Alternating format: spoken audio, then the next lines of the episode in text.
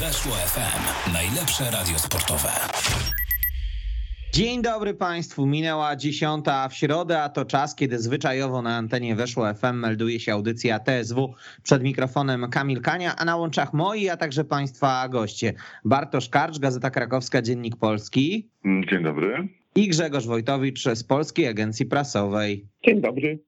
Dziś w programie porozmawiamy oczywiście o efektownym zakończeniu roku w wykonaniu Wisły Kraków, ale także o pierwszym zimowym transferze, nowych akcjonariuszach klubu. Postaramy się także podsumować jesień w wykonaniu Białej Gwiazdy, natomiast zaczynamy od tego piątkowego spotkania. Ważne zwycięstwo Grzesiu, które pozwoliło powiększyć Wiśle przewagę nad Brookbetem Termaliką Nieciecza. Tak, no w zasadzie e, to jest takie zwycięstwo, które spycha E, Brookbet tak już mocno podchłani. E, ta przewaga Wisły nad tym zespołem jest już na tyle duża, że raczej ciężko nawet realnie myśleć, że e, Wisła zostanie przez Brookbet wyprzedzona na finiszu sezonu. No musiałoby dojść do jakiejś tam, nie wiem, zupełnie odwrócenia sytuacji, katastrofy Wisły i wspaniałej gry Brookbetu, a mimo wszystko na to się nie zanosi. Także to było takie ważne psychologiczne zwycięstwo. No bo wyobraźmy sobie, gdyby Wisła tego meczu nie wygrała, to nastroje byłyby po prostu grobowe w klubie, no a tak są trochę lepsze. No, wypada się zgodzić z, z, z, z. Y, rzeczywiście był to mecz taki no, klasyczny z gatunku tych 6 punktów, ale myślę, że nawet jeszcze większą wagę miał właśnie z tych względów, o których mówisz, że, że wygrana tak naprawdę zamyka sprawę z tego, wyżej w tabeli na koniec y, sezonu. Nie ma się co czarować. No nie wydaje mi się, żeby Brookbet, który w dotychczasowych 18 y, meczach zgromadził 12 punktów, był w stanie zdobyć y, w pozostałych spotkaniach więcej o 10 punktów, bo tyle musi zdobyć, żeby wyprzedzić Wisłę w tabeli, więc wydaje mi się to po prostu nierealne. Więc od tej strony bardzo duży plus. No też taki plus, no bo zawsze tak jest, że ten ostatni mecz zostaje chyba najbardziej w pamięci Y, więc to taki troszeczkę mm, optymistyczny akcent, y, a, a patrząc tak szerzej, całościowo, y, to taka jedna z łyżek cukru czy miodu w beczce pełnej dziegciu, które, którą mamy, mieliśmy tej jesieni wykonać pokaże.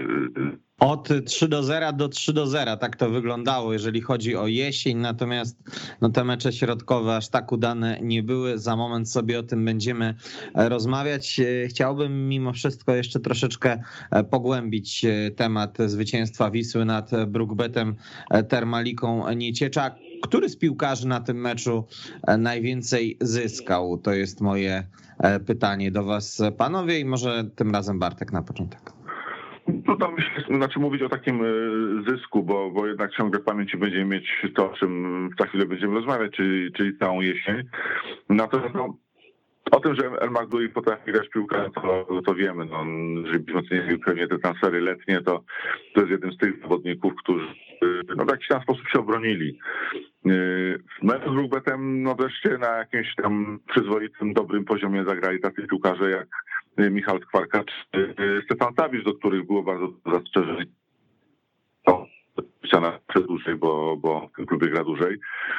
No, stanęli tym razem na wysokości zadania czy to już dowód na to, że nastąpiło ich w przypadku przełamanie? Nie zakładałbym się, poczekałbym spokojnie do wiosny, e, e, no bo jedna jaskółka jej nie czyni, więc e, oni na pewno grali dobry Wreszcie te ofensywne formacje Wisły funkcjonują jak należy. Wisła stwarzała sytuację, Wisła strzelała bramki, Wisła mogła nawet wyżej, no ale to, tak jak powiedziałem, jedna jaskółka wiosny nie czyni, a pewnie kibice Wisły chcieliby tak Wisłę grającą oglądać większej liczby spotkań niż tylko na początku i na końcu sezonu.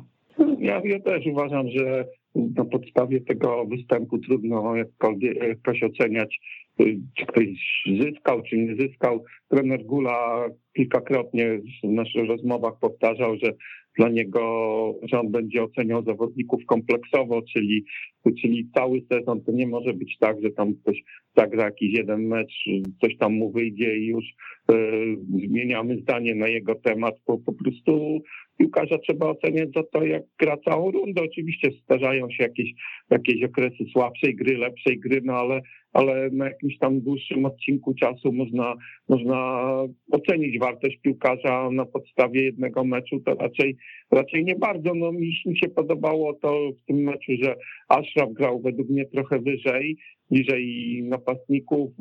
Wreszcie został Wreszcie go jak gdyby, nie wiem czy namówiono, ale sam odważył się strzelać czasem z dystansu. Pokazał, że ten atut ma. Też nie wszystkie jego strzały może były idealne, no ale ten jeden najważniejszy był, był perfekcyjny i myślę, że powinien częściej sięgać po tą broń a wcześniej, wcześniej tego nie robił. W ogóle taki był bardziej nastawiony ofensywnie do grania i, i właśnie taką jego wersję ja bym chciał oglądać w przyszłości. Nie, nie tylko zawodnika, który, nie wiem, podaje z piątki i zaczyna akcję, czy tam wraca się na 30 metr i, i rozpoczyna akcję, ale takiego zawodnika, który trochę gra wyżej, który, który potrafi coś zrobić z przodu i, i właśnie dlatego on był dla mnie najlepszym piłkarzem w tym meczu. No, co do Sawicza, to owszem, no, zrobił swoje, zagrał, zagrał przyzwoity mecz, no ale mówię, no on, on miał już tyle szans na wykazanie się i tam jeden lepszy mecz na razie jeszcze w mojej ocenie jego jako piłkarza niewiele zmienia. A sądzisz, Grzesiu, że on tym spotkaniem mógł się uratować przed potencjalnym rozstaniem z klubem zimą?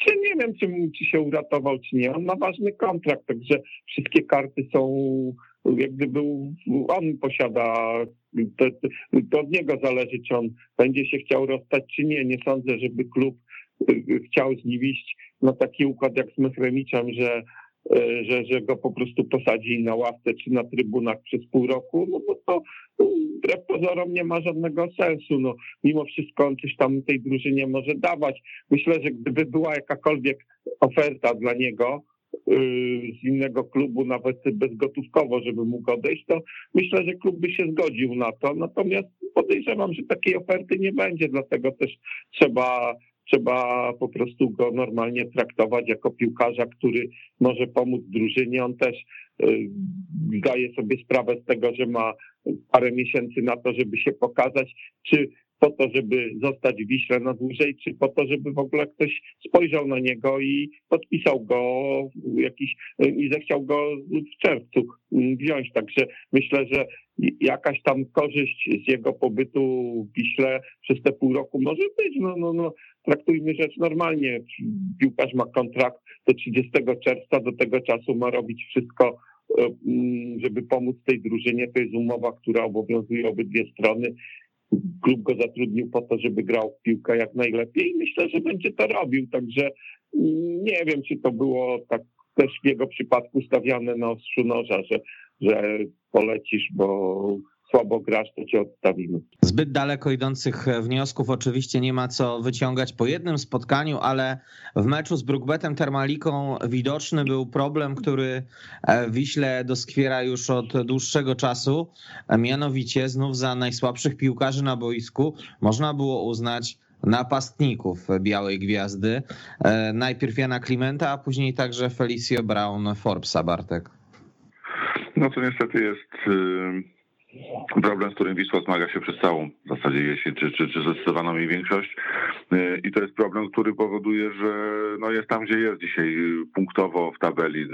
Oczywiście możemy tutaj y, mówić, że problemem jest druga linia, która nie dostarcza podań, która, y, że ci napastnicy biedni nie mają sytuacji przez to. Nie, no to tak do końca nie wyglądało. Poza tym umówmy się, że napastnik nawet jeżeli jest problem z, z kooperacją z, z, linią pomocy, no to wymagalibyśmy, żeby przynajmniej raz w miesiącu sam sobie wykreował jakąś sytuację, ją wykończył celnym strzałem. Obaj tymczasem ostatni raz bramki widzę szczelili wakacje, y, więc to pokazuje, że, że ta jesień nie była dla nich y, udana. Oczywiście no, są jakieś tam czynniki czy okoliczności łagodzące. Forbes nie przygotowywał się zespołem do, do sezonu, co zresztą w rozmowie, którą przeprowadziłem z trenerem Gulą, on to podnosił, no wcześniej czy później musiało znaleźć swoje odbicie w jego dyspozycji i znalazło. Z kolei Kliment przechodził dość poważnie mm, koronawirusa i mówiąc tak kolokwialnie, no nie odkręcił się już chyba do końca jesieni fizycznie.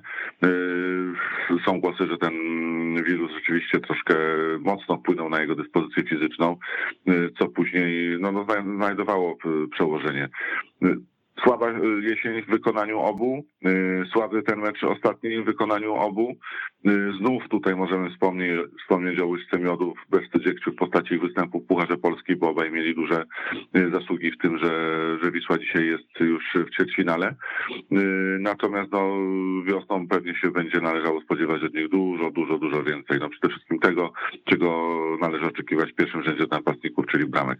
No ja tak powiem, że w tym meczu, tak w pierwszej połowie zwłaszcza, bardzo uważnie oglądałem grę Klimenta, tak nawet jego całe zachowanie, tak zerkałem, co on robi w ogóle, gdy nawet nie ma piłki, jak, jak się ustawia i, i takie odniosłem wrażenie, że on był trochę poza tym meczem jakoś tak mentalnie, zupełnie mm, nie, nie wychodził do podań, stał, taki strasznie bierny było, spał. Nie wiem, może to już rzeczywiście jakiś taki kryzys fizyczny go dopadł. Miał w pierwszej połowie jedną sytuację, taką może nie stuprocentową, no ale to była sytuacja z gatunku takich, że dobry napastnik może to wykorzystać, bo znalazł się tam w sytuacji sam na sam. Nie wiem, czy tam nie było spalonego, czy jak wypadł gol, czy by war tego nie sprawdzał, no ale faktem jest, że, że strzelał w dobrej sytuacji, nie, nie zdobył bramki.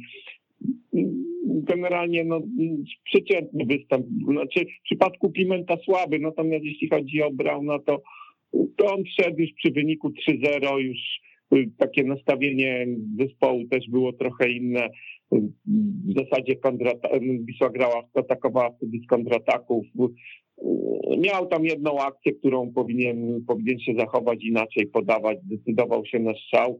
Jakoś, jakiejś tam wielkiej tragedii nie było z jego strony, natomiast to już nie ma co oceniać tego, jak oni zagrali z Termaliką, bo, bo to nie ma większego znaczenia. Myślę, że któryś z tego duetu, znaczy myślę, że Wisła na pewno ściągnie napastnika i myślę, że takiego z grą do z przeznaczeniem do gry w pierwszym składzie. Także ich sytuacja na wiosnę, jeśli, jeśli obydwaj zostaną, przy czym bardziej to dotyczy Felicjo, który pewnie jest bliższy odejścia, bo nie sądzę, żeby Wisła Klimenta się chciała pozbyć w jakikolwiek sposób. No ale ich czeka po prostu no, zasuwanie, muszą złapać formę, bo podejrzewam, że jeśli przyjdzie ten dobry napastnik, to nie będą wtedy pierwszym wyborem dla trenera, no bo mieli całą jesień na to, żeby udowodnić swoją przydatność, nie zrobili tego, no chyba, że będą się świetnie prezentować w trakcie przygotowań, w czasie sparingów.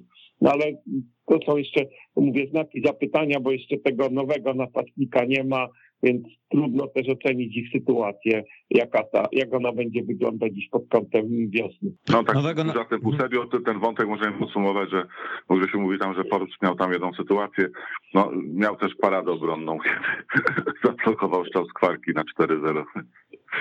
To taki obrazek, który, który pewnie gdzieś tam zapamiętamy z tego meczu z, z Brookbetem. Na razie nie ma e, nowego napastnika, jest za to nowy obrońca. Sebastian Ring, 26-letni Szwed, został ogłoszony pierwszym zimowym e, transferem Wisły Kraków. Ostatnie dwa sezony w rodzimym Kalmarze, występował też e, w Anglii przez rok. Jak oceniacie ten transfer? Czego się po tym zawodniku spodziewacie, Bartek? Znaczy, to, to taki transfer z gatunku oczywistych. Y, Matej Hanuszek nie miał żadnej rywalizacji tak naprawdę, no powiedzmy sobie to szczerze, na, na lewej obronie i no i niestety odbijało się to na jego dyspozycji. No było zbyt dużo moim zdaniem meczów, kiedy on był nijaki y, albo wręcz słaby. Twierdzę na przykład, że to głównie na jego barki należy zwrócić to, co się wydarzyło w Lubinie. Y, od jego, od jego kiepskiego zagrania rozpoczęła się sytuacja, która skończyła się czerwoną kartką dla Frydrycha. Y, wszyscy tam y, zrzucili winę na Maćka Sadloka. Ja stoję na stanowisku, że Maciek trochę rozpaczliwie ratował błąd swojego kolegi, bo gdyby Hamuszek zagrał lepiej, to po prostu nie byłoby tego długiego podania później w strefę obronną Wisły. ma też dużo na sumieniu, jeżeli chodzi o te dwie bramki, które Wisła w Lubinie straciła, gdzie odpuszczał. Ale niestety takich meczów było więcej kiedy, kiedy no, był zamieszany w straty bramek Wisły. I myślę, że ta, ten brak rywalizacji dosyć mocno go rozleniwiał, więc Sprowadzenie Sebastiana Ringa odczytuję jako taki oczywisty ruch, jako zwiększenie konkurencji. Y, nie wiem, czy to on będzie tym numerem jeden i wyborem numer jeden na lewą obronę, ale na pewno y, sprawi, że, że Hanuszek nie będzie już y, w takiej strefie komfortu, jaki był przez całą jesień. Co do oceny tego chłopaka, no trudno mi oceniać jego grę. Filmiki mogą pokazać wszystko. Wiemy to już z doświadczenia. Oczekuję po prostu dobrej jego gry już kiedy zacznie się sezon.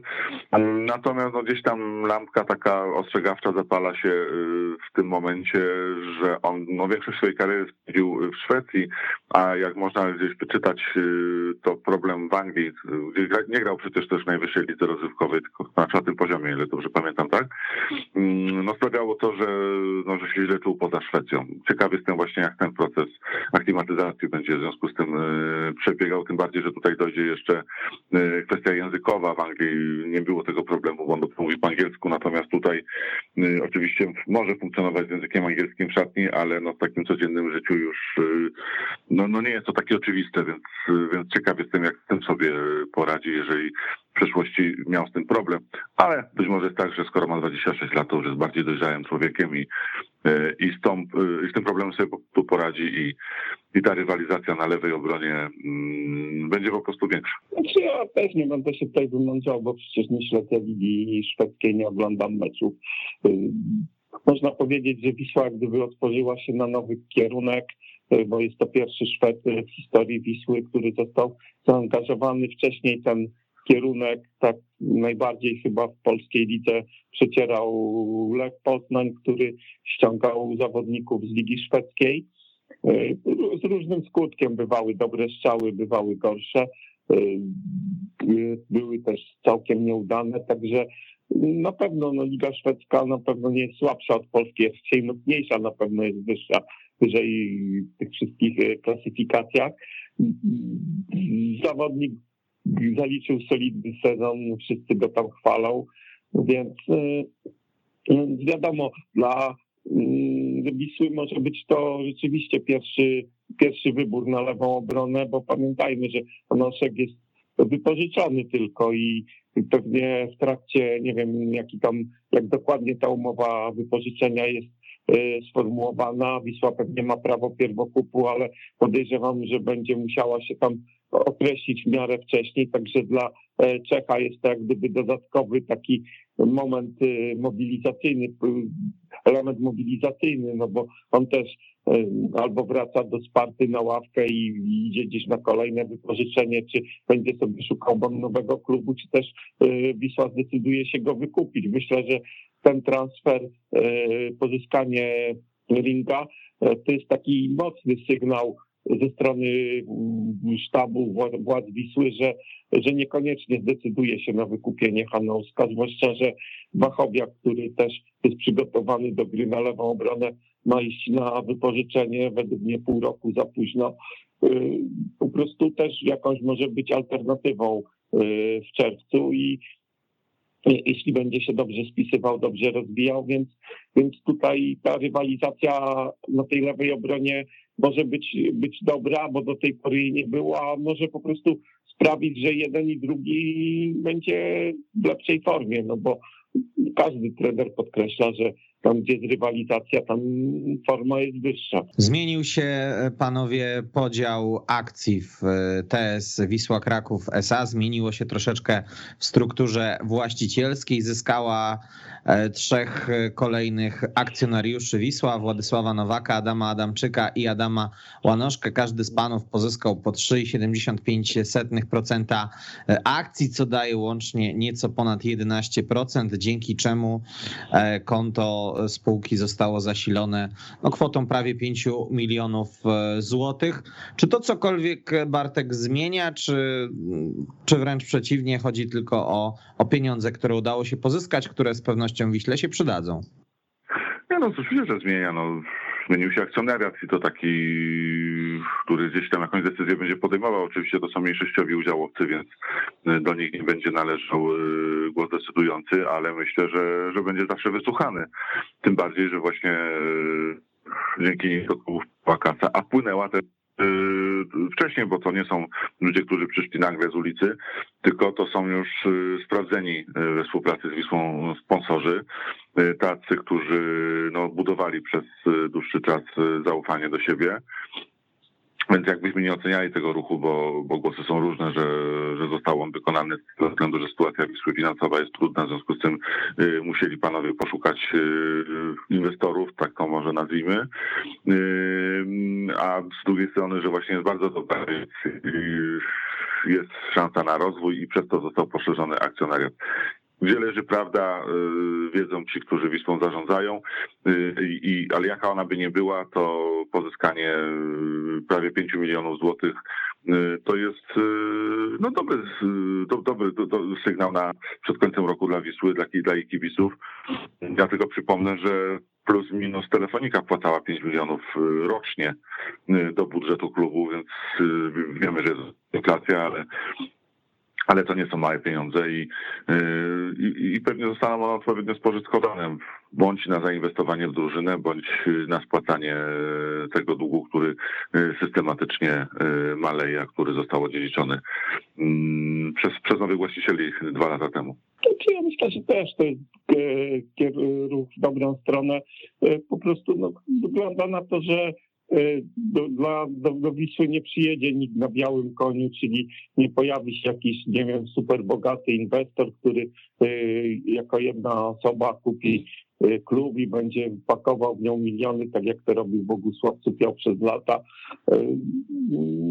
Ludzie, takich ludzi po prostu w Polsce za wielu nie ma, żeby po prostu inwestowali swoje pieniądze w futbol, w klub. Dlatego też kierunek, w którym e, ten scenariusz będzie może szerszy, ale będzie miał szersze podstawy, czyli jakaś grupa biznesmenów, właścicieli firm z Małopolski, która będzie e, inwestować w ten klub, nie mówię jakieś super pieniądze, no ale tak na zasadzie takiej, że, e, że jest nas więcej i po prostu dzięki temu ten budżet będzie stabilniejszy, to, jest chyba dobry kierunek. Wiadomo, że im więcej ludzi, tym mogą się pojawić jakieś tam y, konflikty interesów w stylu w zarządzaniu, no bo no, jak ktoś jest właścicielem klubu, jedna osoba, no to ona podejmuje y, swoje decyzje, ponosi za to odpowiedzialność. Natomiast gdy, gdy tych osób jest trzy czy sześć, to,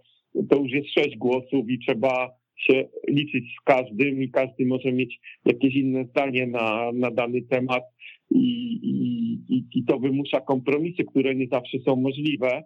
Często to prowadzi do konfliktów, także tu jest jakieś zagrożenie, ale, ale myślę, że, że tu można taką współpracę.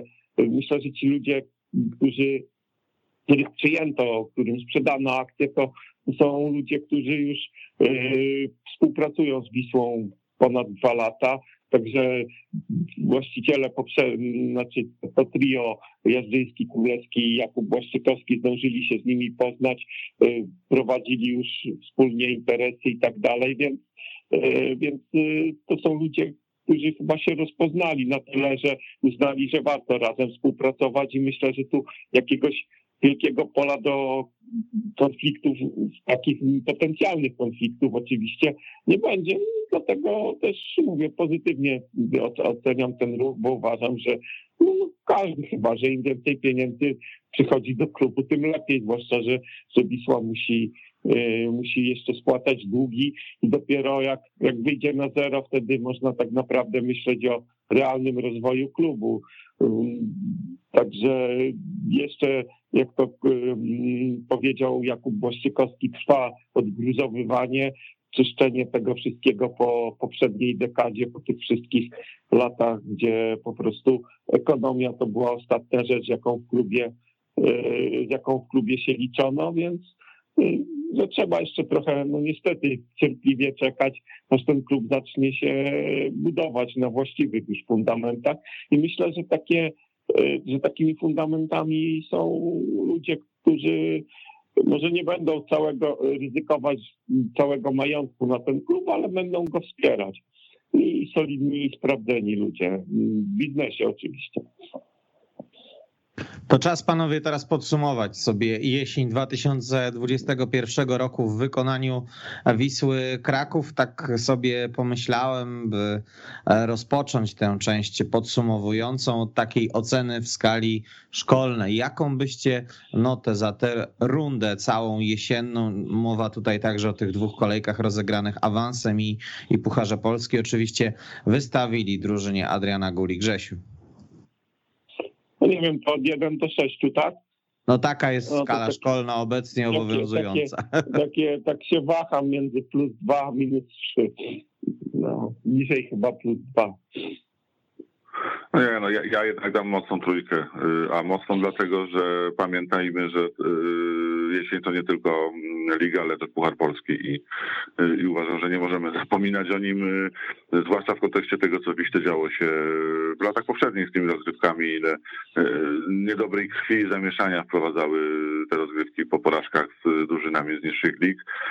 Tym razem akurat w tych rozgrywkach Wisła stanęła w pełni na wysokości zagrania, zadania, grała wszystkie mecze na wyjazdach, we wszystkich strzeliła po trzy bramki.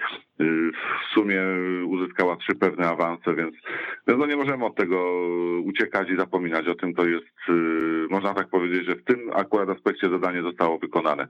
Dlatego z mojej strony y, mocna trójka. No bo jeżeli byśmy już mówili o samej lidze, bo, bo, bo inaczej, bo w tym bo, średnią się zawsze oceny na semestralnym wyciąga z kilku ocen. Więc tutaj była, można powiedzieć, na piątkę. Wisła wykonała zadanie, natomiast trochę gorzej poszło, trochę, dużo gorzej poszło w lidze, stąd średnia gdzieś tam wyjdzie pewnie z tego właśnie w okolicach dostatecznego. Liga to rozczarowanie przede wszystkim z, tak jak powiedziałem wcześniej, kilkoma łyżkami miodu w tej beczce dużej dziegciu. Jeżeli mówimy o, o tych łyżkach miodu, to zapewne były nimi zwycięstwa z Legią, derbowe, Yy, to z Zagłębie na początek, to z Brugbetem na koniec, ale niestety w wykonaniu Wisły no więcej było rozczarowań i, i, i, to, co chyba tak najbardziej irytowało, to wiele meczów, które Wisła przegrywała, wcale ich przegrać nie musiała. Jakieś proste błędy, rozkojarzenia, brak koncentracji, niedokładność. No naprawdę rzeczy, które, których można było uniknąć, yy, powodowały, że Wisła yy, przegrywała spotkania na własne życzenie. To, to w zasadzie niczym bumerang wracał ten temat y, y, przy kolejnych y, występach Wisły, bo już tam nie mówię o porażce w Poznaniu 0,5, bo ono tak naprawdę możemy tam oczywiście roztrząsać, kto przy poszczególnych bramkach popełnił błędy, ale Lech po prostu był tak rozpędzony, że Wisła tam nic by nie zrobiła, choćby na głowie stawała. Fatalny mecz, najgorszy chyba w sezonie, jeszcze gorszy niż ten w Poznaniu ze Śląskiem Wrocław u siebie. Tutaj też Wisła nie miała kompletnie nic do powiedzenia, mecz przegrany praktycznie bez sztycha, jako się mówi. Natomiast wiele było takich spotkań, gdzie, gdzie można było przynajmniej remis ugrać, a, a zespół na własne życzenie z różnych względów tego nie robił. No, gdyby nie to, że jesteśmy na łączach, a nie w studiu, to pomyślałbym, że Bartek zajrzał w moje notatki przed startem tego programu, bo już zdążył wymienić najgorszy mecz rundy, także o rozczarowaniach i, i bohaterach. Przejdziemy sobie właśnie przez te poszczególne, e, nazwijmy to, kategorie. Grzesiu, tak przekornie, z racji, że twoja no. ocena była niższa, to ciebie chciałbym zapytać o e, bohatera tej jesieni w Wiśle Kraków, takiego in plus, rzecz jasna. Ciężko znaleźć jednego zawodnika, który e, może powiedzieć tak z czystym sumieniem, to była moja udana runda, jestem zadowolony z tego, co grałem. A Mikołaj Biegański? No, myślę, że tutaj można, w sumie nie użyłbym słowa bohater, natomiast, y, natomiast u tego zawodnika y, zauważyłem po prostu rzeczywiście progres, o ile jeszcze w tych pierwszych meczach y, zdarzały mu się błędy, jakieś zdarzały mu się nawet gole przepuszczone, w których mógł się lepiej zachować, to ta druga część sezonu, zwłaszcza końcówka, to, to już był taki bramkarz, coraz bardziej dojrzały, taki, e, taki bramkarz, że jak patrzyłem na niego, to nie widziałem już chłopaka, e, który dostał szansę i, i tak broni trochę na zasadzie takiego e, młodzieńczego entuzjazmu, tylko widziałem już coraz bardziej dojrzałego bramkarza, coraz bardziej takiego pewnego swoich decyzji, swoich zachowań w ramce, więc tak, tu rzeczywiście, no jeśli już miałbym wskazać kogoś, kto się najbardziej rozwinął, którego mm, ten poziom startowy w stosunku do tego, jak kończył rundę, był zdecydowanie wyższy, to na pewno Mikołaj Biegański. Mm, zastanawiam się, no pewnie bym się podpisał pod Michałem Biegańskim, tym bardziej, że on e, udowodnił jeszcze jedną rzecz, że naprawdę ma silną psychikę, co na tej pozycji jest bardzo istotne, co generalnie w sporcie zawodowym jest bardzo e, istotne, bo e, chcę przypomnieć, że on najlepszy swój mecz w tej rundzie rozegrał w derbach, czyli ten taki mecz z największym prądem przy pełnych trybunach, a jednak wytrzymał ciśnienie i tak naprawdę utrzymał Wisłę w pierwszej połowie, kiedy to Krakowia miała najlepsze swoje sytuacje w grze. Y, no a później Golie Błaha przesądził o tym, że Wisła te derby wygrała, więc, y, więc to pokazuje, że ten chłopak rzeczywiście jest na fali wznoszącej. Ja bym chciał wyróżnić jeszcze jednego zawodnika, który pewnie już wielkiego rozwoju w swojej karierze nie zaliczy, bo to człowiek z bogatym bagażem doświadczeń. Mam na myśli Michala Frydrycha. No myślę, że jeżeli mówimy o tych doświadczonych zawodnikach, to jest on tym, który nie zawiódł. No, pamiętamy, że jego bramki wobec mizerii gry napastników dawały się konkrety w postaci czy to zwycięstwa Zabrzu, czy to punktu jednego z Lechią, czy to punktu z Wartą. W obronie też jakoś specjalnie nie popełniał baboli. Wiem, że zaraz powiecie o dwóch czerwonych kartkach, ale umówmy się, że to bardziej było klasyczne wsadzenie Michala na, minę przez partnerów niż, niż jego jakaś wielka wina. Zatem jego bym e, tutaj rzeczywiście chciał wyróżnić. Tym bardziej, że choć to obcokrajowiec, to jednak e, swoją charyzmą e, no, miał duże znaczenie dla, dla tego, jak Wisła funkcjonowała i, i, i, i zresztą nie zadowalał się byle czym. To też mi się u niego podobało, bo pamiętam jego słowa po meczu z Wartą, kiedy no, powinien być teoretycznie zadowolony, strzelił bramkę w 93 minucie, a był, która dała remis, a był tak naprawdę wściekły, że, że Wisła tego meczu nie wygrała, to, to pokazuje, że, no, że właśnie, że no nie zadowala się byle czym. To skoro jest już tak miło i przyjemnie, to porozmawiajmy sobie panowie o tym, który mecz waszym zdaniem był najlepszym występem Wisły Kraków tej mijającej jesieni. Możecie wybierać między ligą a pucharem, tu nie ma większego problemu. Bartek. Całościowo, gdybyśmy mieli popatrzeć tak od A do Z, y, gdzie Wisła miała prawie praktycznie przez cały mecz y, pełną kontrolę i wygrała po prostu bardzo pewnie, no to ten ostatni z, z Brugbetem. Widowiskowo, no duże emocje i, i, i, naprawdę fajnie się to oglądało. To mecz z Widzewem w Łodzi przy pełnym stadionie, przy, przy, przy fantastycznym dopingu kibiców obu drużyn, gdzie emocje były, gdzie, gdzie mieliśmy bramkę nawet prawie że z połowy boiska i trochę dużo, dobrej gry było też w tym wszystkim, więc to, jest tak, to są takie momenty, które, które utkwiły mi w pamięci. Pewnie też mecz z Legią byśmy tutaj wymienili, który Wisła wygrała 1-0, a tak naprawdę powinna go wygrać wyżej, bo, bo była zespołem zdecydowanie lepszym w tym spotkaniu, miała swoje sytuacje. Tak na szybko chyba tyle. No derby nie były aż tak dobrym, choć istotnym oczywiście z punktu widzenia kibiców Wisły, prestiżowym zwycięstwem, y, to, to nie było one aż tak super y, dobrym meczem, tak piłkarsko. Ale, ale te trzy, które wymieniłem wcześniej, to, to, to, to są takie dobre momenty Wisły, które mnie zostaną w pamięci. I jeszcze tak tylko dodam, że celowo nie wymieniam tego meczu z Zagłębiem na y, początku, bo tam jednak y, no, nie wszystko funkcjonowało od, od, od pierwszej minuty. Pamiętajmy, że tam był karny dla Zagłębia. Dopiero później, gdy Wisła strzeliła bramkę, wskoczyła na takie lepsze obroty i, i, i też wtedy wygrała pewnie. Jeśli o mnie chodzi, to rzeczywiście no, trudno jakiś taki naprawdę spektakularny mecz wybrać. Jeden bo niewiele ich było. Znaczy to teoretycznie powinno ułatwiać wybór, ale, ale nawet w tych meczach, które się uważa za dobre, to one wcale aż takie bardzo dobre nie były. Ja, jeśli już miałbym się na coś zdecydować, to jednak na mecz z Legią, bo wtedy Legia jeszcze prezentowała taki poziom w miarę solidny. Wiadomo, była zaangażowana w puchary, no ale to jednak Y, była zupełnie inna drużyna, jeśli chodzi o poziom sportowy niż, y, niż pod koniec rundy, gdzie każdy z nią wygrywał kto chciał i grała fatalnie. Ten mecz wydaje mi się, że był tak całościowo chyba najlepszy, jeśli chodzi o drużynę wykonaniu Wisły. Ja, ja, ja go stawiam najwyżej. Natomiast no, z tym meczem ostatnim też mam taki pewien problem, jeśli chodzi o cenę, bo rzeczywiście Wisła wyglądała w nim efektownie, e, fajnie, dużo akcji było, okazji trzy bramki, jednak tak trochę też mimo wszystko patrzę na to, z kim Wisła grała i z jaką drużyną i no i Brookbet no, przyjechał do Krakowa tak trochę jak na ścięcie, zwłaszcza już po pierwszej bramce, no a, a, a cała druga połowa po tym straconym szybko golu na 0-3 to już tam już nie było po prostu wiary w tej drużynie, żeby cokolwiek działać.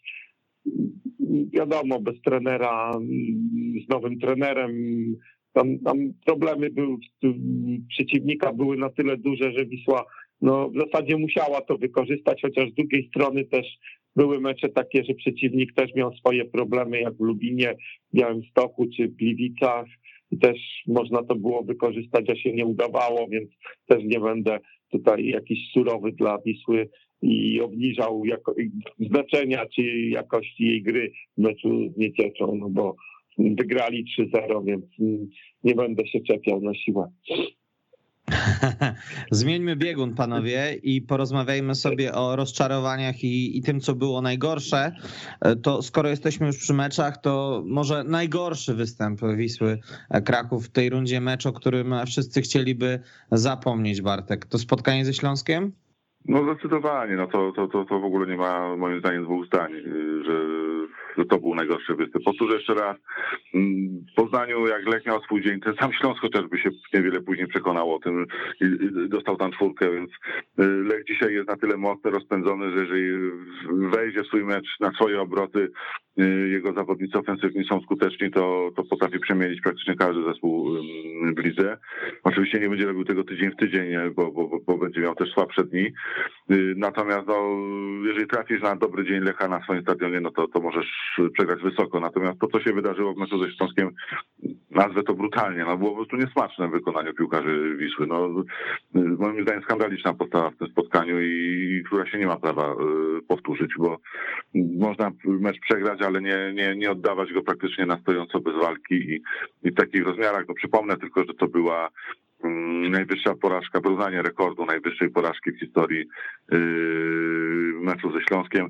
No akurat jestem w takim wieku, że doskonale pamiętam ten wcześniejsze 0-5 ze Śląskiem i, i, i powiem szczerze, że, że, że wtedy to piłkarzom specjalnie nie chciało się grać, bo już yy, mieli tak dość obrażeniaka, że po prostu jakby mieli przegrać ten mecz 8-0, żeby się z trenerem rozstać, to pewnie by to zrobili. Marek Świeczewski, który wtedy karnego strzelał gdzieś tam w okolicy bramy brandenburskiej. No, dużo by można było wspomnieć z tamtego okresu tutaj przytoczyć. Natomiast no, tutaj przegrana, przegrana sportowa, bo przecież nikt nie grał przeciwko trenerowi, natomiast yy, no, mecz yy, sportowo katastrofalny mecz. No ja tu też e, e, zgadzam się z tym wyborem. Dla mnie w ogóle tak zacząłem sobie teraz odtwarzać w pamięci. Już tyle lat na tą Wisłę chodzę i nie wiem, czy to nie był w ogóle najgorszy mecz Wisły, na jakim byłam jeśli chodzi o poziom sportowy. No nie, wy, wykluczam ten mecz e, słynny z Legią Warszawa 06, który został unieważniony, który był sprzedany, natomiast natomiast tak, jeśli chodzi o takie aspekty czysto sportowe, to to, to, to, to był po prostu koszmar. Nie, tak jak Bartek mówił, takie mecze u siebie w lidze nie, nie są, nie, nie mogą się po prostu przytrafiać. To można nawet 5-0 przegrać z kimś, jak ktoś jest lepszy, ale, ale, ale, ale można przegrać 5-0 trochę w inny sposób niż to, w jaki zrobiła Wisła ze. Znacznie większa, myślę, będzie konkurencja w kolejnej kategorii, mianowicie e, chodzi o piłkarza, czy też osobę z klubu, ale raczej jednak o piłkarza, e, który najbardziej rozczarował tej jesieni 2021 Grzesiu najbardziej rozczarował też sporo tutaj można wymieniać nazwisk, ale no chyba jednak jakbym się tak miał zastanowić w stosunku do oczekiwań, może tak, to, to chyba Kliment. No, na, tak pamiętam takie nasze audycje na początku sezonu, że prorokowaliśmy, że że to jest wreszcie napastnik, który zrobi mm, ponad 10 bramek w sezonie. Oczywiście wszystko jeszcze jest przed nimi, może tak, tak będzie, no ale na razie nie, nie robi tego. No, wszyscy po poprzednim jeszcze sezonie mówili, że Wiśle, że Wisła tym razem nie może się pomylić, jeśli chodzi o wybór napastnika, że to musi być strzał y, w dziesiątkę, bo bez dobrego napastnika nie da się po prostu dobrze grać, dobrze funkcjonować, ale no niestety no, ten wybór nie był takim wyborem, który dodał jakości drużynie. Wręcz przeciwnie, czasami to wyglądało jeszcze gorzej niż w zeszłym sezonie, więc y, no tutaj oczekiwania z mojej strony przynajmniej były spore, natomiast no rozczarowanie dość duże. Wiem, że miał problemy zdrowotne, że, że ta, że nie pokazał, może tak, myślę, że on nie pokazał tego, co potrafi naprawdę, także ja go jeszcze nie przekreślam. Uważam, że coś jeszcze z niego można wyciągnąć, jeśli dobrze przepracuje zimę, e, będzie w dobrej formie fizycznej, to może coś tej drużynie dać. Natomiast no, oceniamy go za jesień, a ta jesień była nieudana i no i tyle. No, no, dwie bramki dla napastnika to jest po prostu powód do wstydu. No ja się zgodzę z Grzegorzem. No tutaj musimy oczywiście zaznaczyć, że bierzemy pod uwagę mm, to, co się wydarzyło na boisku w stosunku do oczekiwań, jakie, jakie były, bo piłkarzy słabszych w tej drużynie było więc, kilku przynajmniej niż Klimet, natomiast, natomiast oczywiście oczekiwania były na takim poziomie, że on strzeli tych bramek zdecydowanie y, więcej. Zastanawiałem się jeszcze przez moment w czasie wypowiedzi Grzegorza, y, czy, czy, czy nie wskazać na Michała Skwarkę, ale myślę, że jednak nie że, że okej, okay, spodziewaliśmy się wszyscy od niego zdecydowanie więcej, ale w jakimś tam stopniu jednak obronił się tymi liczbami. One nie są jakieś mega rewelacyjne, y, ale no tak powiedzmy na poziomie tej, tego minimum przyzwoitości się zmieścił, więc, więc tutaj zostawmy to. Ja bym tylko tyle może nadmienił przy jego osobie, że oczekiwałbym od niego więcej konkretów y, wiosną, bo on dużo biega, jest przeważnie w, czołówce zawodników, jeżeli chodzi o wybiegane kilometry. Jemu nie można odmówić zaangażowania, ale tutaj y, od, od, od, od zawodnika na tej pozycji jednak no, oczekujemy więcej otwierających podań, więcej strzałów. Y, mm, potrafi to robić, bo w kilku meczach to pokazał, że potrafi, y, a zatem niech wiosną zacznie to po prostu pokazywać. No właśnie, a propos wiosny, panowie, mm, jakie, jakie predykcje przed e, rundą, która wystartuje? O co waszym zdaniem Wisła będzie walczyła w lidze i czy priorytetem może być Puchar Polski, bo wydaje się po losowaniu ćwierćfinałów, że no, Wisła może zrobić wynik, o którym marzy od lat, e, Bartek. Powiem tak, no nie rozdzielałbym tego na zasadzie takiej, że coś trzeba odpuszczać. No, umówmy się, na no, Pucharze Polski maksymalnie zostały trzy mecze do rozegrania, więc to nie jest jakaś y, mm, rzecz, która mogłaby, nie wiem, rzucać jakiś piach w tryby y, ligowe. Y, nie chcę wróżyć z. Y, to, co się wydarzyło jesienią i to, jak Wisła wygląda w tabeli dzisiaj, y, powoduje, że ten, może nie dzwonek, ale ta lampka taka czerwona to powinna w gabinecie prezesa Błaszczykowskiego i, i, i tam, gdzie siedzą ludzie odpowiedzialni za sport, czyli Tomasz Pasieczny, Arkadiusz Głowacki, świecić się cały czas. No Wisła musi po prostu trafić w transfery. Y, Wisła musi odpowiednio przygotować formę już na początek y, lutego, bo Wisła musi zacząć szybko punktować. Terminarz jest taki, że jeżeli Wisła trafi z tą formą, y, to dość szybko możemy zamknąć temat tak realnie walki o utrzymanie. Natomiast jeżeli tego nie zrobi, no to ta lampka się jeszcze może mocniej zaświecić. Sam jestem ciekaw, w jakim to kierunku pójdzie. To będzie takie pierwsze okno transferowe, bo możemy się tu spierać. Spieraliśmy się nieraz z Grzegorzem, czy transfery letnie szły na konto pasiecznego, czy nie szły. Ja uważam, że jednak skoro podjął tą pracę już po większości, które zostały dokonane, to, to, no to oceniajmy sprawiedliwie. I to jest pierwsze jego takie okno. Pierwszym efektem jest Sebastian Ring. Zobaczymy, co, co będzie w kolejnych tygodniach, co się wydarzy. Natomiast no, trener sam Gula podkreśla, że no, ten zespół potrzebuje, żeby dołożyć do niego jakość. Y, tu nie chodzi o kolejną rewolucję transferową, ale myślę, że dołożenie mm, takich dwóch, trzech ogniw na newralgicznych pozycjach y, mocno by się Wiśle przydało. Jeżeli trafi, Y, jeżeli zespół zostanie pod względem fizycznym i takim sportowym dobrze przygotowany do rundy wiosennej, y, to może sobie szybko sprawę y, utrzymania załatwić. Być może wtedy, ale to może już nie chcę daleko wybiegać w przyszłości, żeby nie, za, nie zapeszyć, pomyśleć o, o, o awansie nawet o kilka pozycji, bo, bo, bo, bo dziś, na dzisiaj ta przewaga na strefą spadkową nie jest duża, ale ona też nie jest duża do do tych miejsc, które są nad Wisłą, do, do zespołów, które mają po trzy punkty na przykład nad Wisłą y, więcej, więc nie wiemy, nie odpowiemy sobie. To jest trochę jak włożenie z jak ta wiosna będzie wyglądała, ale, ale myślę, że Wiśle powinni tak naprawdę złapać teraz taki głęboki oddech, wszystkie ręce na pokład i, i pomyśleć o tym, żeby ten zespół wyglądał y, po prostu lepiej sportowo y, wiosną.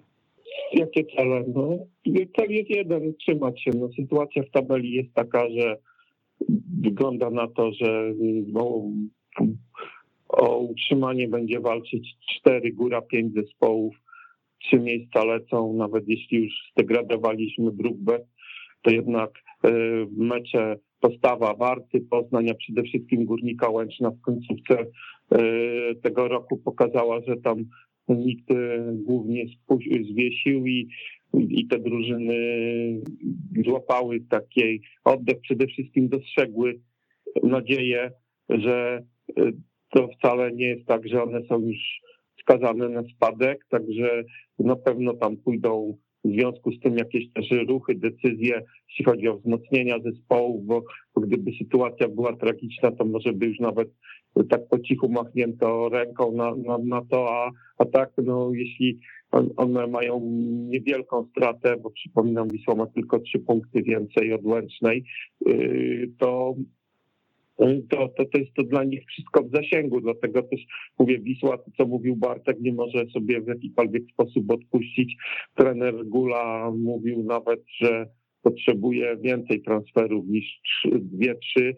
Tak z tego, co, co się mówi, no ściągnięto już jednego zawodnika, ponoć jeden transfer jest już też zaklepany i może być niedługo ogłoszony, natomiast z tego, co mówił trener Gula, to on jeszcze potrzebuje co najmniej czterech zawodników i to myślenie takich do, do poszerzenia kadry tylko do pierwszego składu, więc tutaj naprawdę trzeba bardzo dobrze wybrać i margines na pomyłki nie jest e, duży. Natomiast no, troszkę nie zgadzam się z Markiem co do tego, że Wisła ma dobry terminarz i może szybko załatwić sprawę utrzymania, bo jak tak się popatrzy, to ten terminarz początku rundy wcale nie jest taki dobry, bo mm, toczyna Wisła od wyjazdu do Częstochowy, gdzie jak wiadomo punkty łatwo nie jest, a wręcz przeciwnie, jest bardzo trudno. Potem są dwa mecze, które po prostu Wisła musi bezwzględnie wy, wygrać. Tu sześć punktów jest niezbędne u siebie ze Stalą Mielec i, i z Górnikiem Łęczna, zwłaszcza ten mecz to jest, to, to, będzie taki mecz o sześć punktów, taki jak z Termaliką mm, ostatnio. No a potem się zacznie taka seria, no wyjazd na Legię, wyjazd na Lechię, Lech Poznań u siebie i wyjazd na Pogoń Szczecin, więc cztery mecze, z których y, naprawdę jakikolwiek punkt to będzie ogromny sukces, więc, y, więc y, ta sytuacja na pewno się szybko, jeśli chodzi o kwestię utrzymania nie wyjaśni raczej, no chyba, że rzeczywiście Wisła złapie jakąś kosmiczną formę i, i będzie punktować w tych meczach, no ale no ale mówię, no na pewno to będzie bardzo też nerwowa wiosna, myślę, i, i cały czas będzie oglądanie się za to, co jest za plecami, a, a raczej nie patrzenie na to, co przed, czyli gdzie można podejść do góry. No, pomimo wszystko, no, jakie te transfery by Tomasz Pasieczny nie przygotował, to, to, to nie będą chyba też jacyś zawodnicy, którzy naprawdę mogą być jakimiś super wzmocnieniami, no bo, bo też no patrzmy na, na realia, no takich zawodników za wielu dostępnych teraz nie ma. No i Wisła też nie oferuje też jakichś tam konkurencyjnych cen, y, żeby takich zawodników przyciągać. Mówię o takich zawodnikach, którzy naprawdę mogą zrobić różnicę. bardziej, bardziej liczę tutaj na jakieś takie konsolidację tej drużyny, odpowiednie przygotowanie, lepsze nastawienie, lepszą dyscyplinę taktyczną, że, że, że tymi atutami Wisła będzie zdobywać punkty na wiosnę. Zima pod Wawelem będzie więc ciekawa. Na koniec, panowie, pytanie w takim razie: jakie pozycje poza pozycją napastnika potrzebuje wzmocnić, waszym zdaniem, Wisła Kraków? Myślę, że do środka pola kogoś potrzebuje koniecznie. Z tego co się orientuję, pozycja 8 zostanie niedługo wzmocniona, tak przynajmniej, tak przynajmniej się słyszy. Y, chodzi o to, żeby ten zawodnik grający na tej pozycji był bardziej y, wyważony, miał proporcje w grze ofensywnej i defensywnej. Y, nie do końca są w klubie zadowoleni z tego, jak prezentują się Plewka i Żuko w ostatnim czasie, którzy głównie atuty mają w defensywie, a tutaj by chciano, żeby właśnie ktoś dołożył coś od siebie do przodu, grze do przodu i, i, i podobno taki zawodnik ma tutaj niebawem się pojawić. No lewa obrona została już tam konkurencja zwiększona. Yy, teoretycznie na skrzydłach jest dosyć duża rywalizacja, ale nie wiem, czy to też taki zawodnik yy, z lepszym dorzutem yy, by się nie, nie, nie, nie przydał. Nie spodziewam się transferu na pozycję 10 przy obecnej kadrze która jest i, z tego co słyszę, to chyba nie ma takich planów. No chyba, że coś się zmieniło w ostatnich dniach, jestem na urlopie, więc być może tak się stało. Natomiast yy, z tego co słyszałem, to, to, to przede wszystkim na pozycję 8 zostanie sprowadzony zawodnik do grania w pierwszym składzie, tak, tak, tak, tak to ujmę. Ja właśnie też myślę, że jeśli tutaj przyjdzie jakaś taka ósemka, która e, też ogarnia trochę granie do przodu, a mm, to, to może ten skwarka będzie wtedy bardziej taki widoczny z przodu, będzie miał większą swobodę, trochę więcej luzu, e, dostanie też jakąś pomoc. No myślę jednak, e, bo to wiadomo, napastnik, każdy o tym wie. E, jeśli chodzi o środek obrony, to chyba wszyscy liczą, że w końcu Alan Uryga już te kłopoty zdrowotne będzie miał za sobą i tutaj jak gdyby dołączy do Frydrycha i, i stworzą razem jakiś w miarę stabilny duet środkowych obrońców. Natomiast no, ja bym się tutaj nad skrzydłami zastanowił. Wszyscy Oczywiście to będzie też zależało, no bo jeśli rzeczywiście Jagie Boach odejdzie, mo, mogą, podobno są jakieś zapytania, zainteresowanie i, i pewnie jak będzie jakaś w miarę konkretna oferta, to klub zdecyduje się na jego transfer. Także wtedy tu się pojawi luka, bo mimo wszystko przy wszystkich jego wadach to ja jednak ma dużo zalet, jest najlepszym strzelcem w zespole, no może gra zbyt egoistycznie czasami, może e, rzeczywiście nie wraca się do obrony, no ale, no ale jak trzeba coś zrobić z przodu, to, to robił i robił to w kluczowych meczach, w derbach, no, z Legią też wypracował bramkę, także, mm, także po prostu no, jeśli on odejdzie, to, to, to trzeba naprawdę wtedy ściągnąć placowego skrzydłowego, bo po prostu bez lepszych skrzydeł Wisła nie uciągnie y, te, tego wszystkiego. No, widzimy, że, że, że tu jeśli chodzi o skrzydłowych są, są niby liczbowo to się wszystko zgadza, ale jakościowo tak, tak sobie, bo ani Mateusz Młyński, ani Piotr Snarzyński, który jest wielkim talentem, ale ale no, nie dał żadnej liczby w, tym, w tej rundzie. No, nie ma chyba ani gola, ani asysty. Nie ma, nie ma. Przygotowałem ostatnio. Młyński troszkę był... lepiej wygląda pod tym względem, ale Starzyński no, zero. No.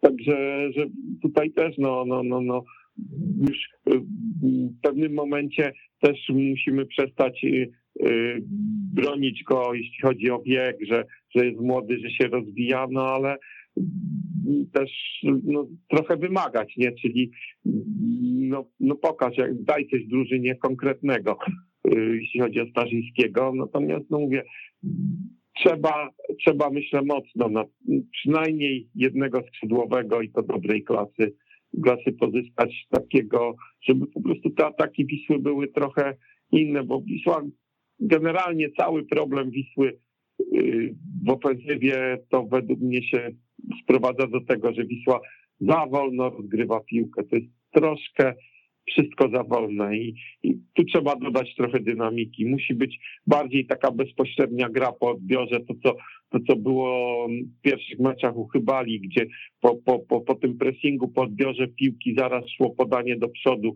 w tą tercję ataku. Yy, wtedy jest element zaskoczenia przeciwnika, natomiast Wisła ten mecz z Wartą zwłaszcza to pokazał, no, no, no, no jak się ślamazarnie wolno rozgrywa ataki, to, to naprawdę no, trzeba liczyć tylko już na jakiś koszmarny błąd w obronie przeciwnika, żeby, żeby coś wykreować, bo, bo na stojącą, podając, wykonując 100 podań, nie da się takiej defensywy w miarę dobrze zorganizowanej zaskoczyć. No i Wisła musi szukać takich zawodników właśnie mobilnych, potrafiących grać jeden na jeden, kreatywnych, no żeby Gula, który chce nadać tej drużynie taki ofensywny styl gry, miał, miał w czym wybierać i w czym, jak to się mówi, rzeźbić. Tu stawiamy kropkę, panowie. Za chwilę na Weszło FM program Trigapa, a gośćmi TSW byli dzisiaj Bartosz Karcz, Gazeta Krakowska, Dziennik Polski. Dziękuję bardzo i wszystkim życzę wesołych świąt i, i, no i dobrego nowego roku, bez y, jak najmniej nerwów przy okazji meczów y, Wisły Kraków. Oraz Grzegorz Wojtowicz no ja, z Polskiej Agencji Prasowej. Ja również dziękuję i przyłączam się do życzeń, żeby ten rok był dużo, dużo lepszy niż ten, który się kończy. Za uwagę i wspólnie spędzony czas dziękuję także Kamil Kania. Ja również życzę Państwu wszystkiego dobrego na zbliżające się święta Bożego Narodzenia i na Nowy Rok. Do usłyszenia. Weszło FM. Najlepsze radio sportowe.